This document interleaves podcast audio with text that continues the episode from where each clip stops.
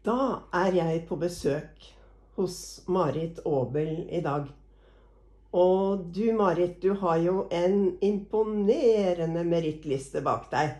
Med mange, mange separatutstillinger. Og du har blitt innkjøpt, og du har hatt utsmykningsoppdrag og fått stipendier. Vært i Paris. Og du er vel en slags multikunstner, du? Ja, altså jeg tror at alle kunstartene er i slekt med hverandre. Men mitt hovedspråk er jo billedkunsten, men jeg har alltid blitt inspirert av de andre kunstartene. Både musikk og litteratur, teater Ja, i det hele tatt. Og den, den er, rikdommen følger meg hele livet.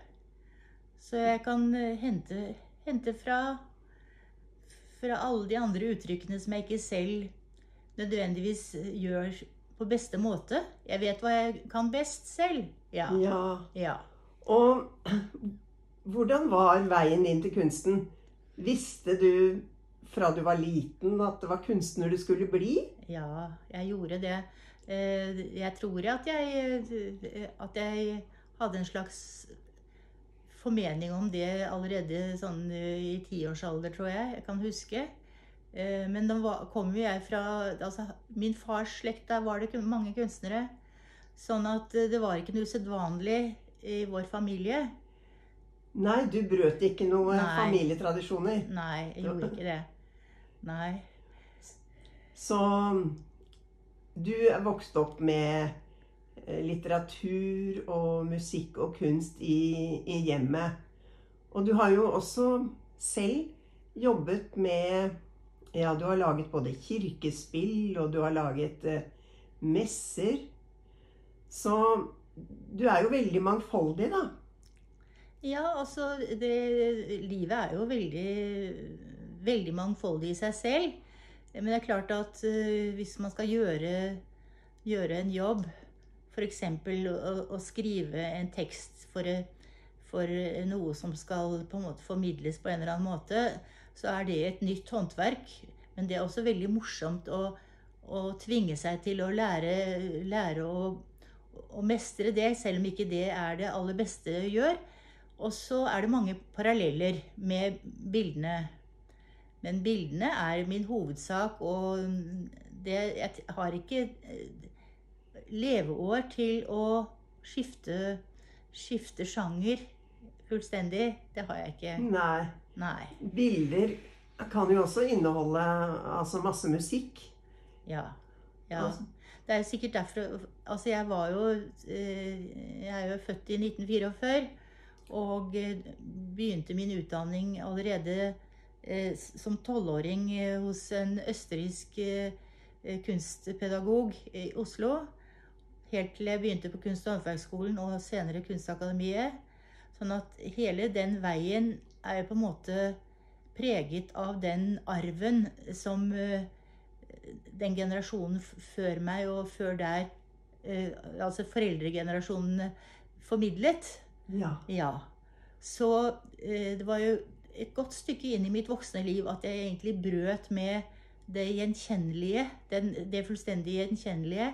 Men det var ikke noe veldig stort brudd for meg, fordi jeg tror enhver eh, komposisjon er abstrakt, men det er bare hvor langt man på en måte vil, vil eh, gjøre den gjenkjennelig. Det er jo et valg man gjør.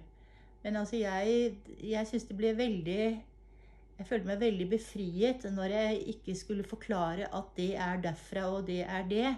Men at det på en måte gikk opp i en, en høyere enhet slik at eh, landskapene ble på en måte fikk sin egen atmosfære, og, og, at jeg også var til stede i dem. Altså alt dette poetiske, det har jeg på en måte vært uh, veldig bevisst på helt fra 80-tallet. Ja. ja. ja. Og du er jo i slekt med Per Aabel. Og eventyr har også betydd mye for deg i ditt liv. Ja, også min far, som, eh, som var bror av eh, Per Aabel, han var en veldig god eh, eventyrforteller. Og min farfar var selvfølgelig det, også Hauk Aabel. Så det var jo på en måte en det hørte med til min, min ja, dannelse, eller dannelse, kan du si. Ja. Ja, og det, det setter jeg veldig stor pris på. Og jeg har akkurat tenkt at jeg skal ta bort en del av den eh, litteraturen jeg har i hyllene nå, og hente frem kasser bare med eventyr. ja. Og da er det alt fra H.C. Andersen og, og Asbjørnsen og Moe og, og til, til de store fortellerne også, sånn som Karen Blixen og, og Jeg elsker historier. Ja. Ja. Fortellinger. ja. Ja. Og tror du eventyrene har en egen innebygd sånn livsvisdom og psykologi som vi kan få fatt i? Ja, og så eh, i tillegg til det, det blir jo sånn som eh, billedkunsten, at den bringer med seg en egen atmosfære. Ja. Det er jo egentlig den atmosfæren som, som er det viktigste. ja. At du liksom kommer inn i det rommet som på en måte har akkurat de eh, De enhetene som historien er spunnet om. Det, det er det geniale. Ja. ja. Ja. Og da har du undereventyrene som eh, Hvor dette magiske skjer. Ja, altså nå er jo ikke jeg så svermerisk av meg at jeg på en måte eh, eh, absolutt må Jeg er ikke romantiker i den forstand, men, men eh, jeg bare hører med musikken også at at, eh, at, vi, at eh, den enkelte kunstner eller formidler da har eh, har funnet eh, en en tone som gjør at, at man kommer inn i et eget rom. Ja. Ja. Det er en rikdom. ja. Ja. Og, og når vi hører på eventyr eller leser eventyr, så ser vi jo for oss bilder. Vi danner jo en film inni hodet Ja. som er en berikelse. Ja.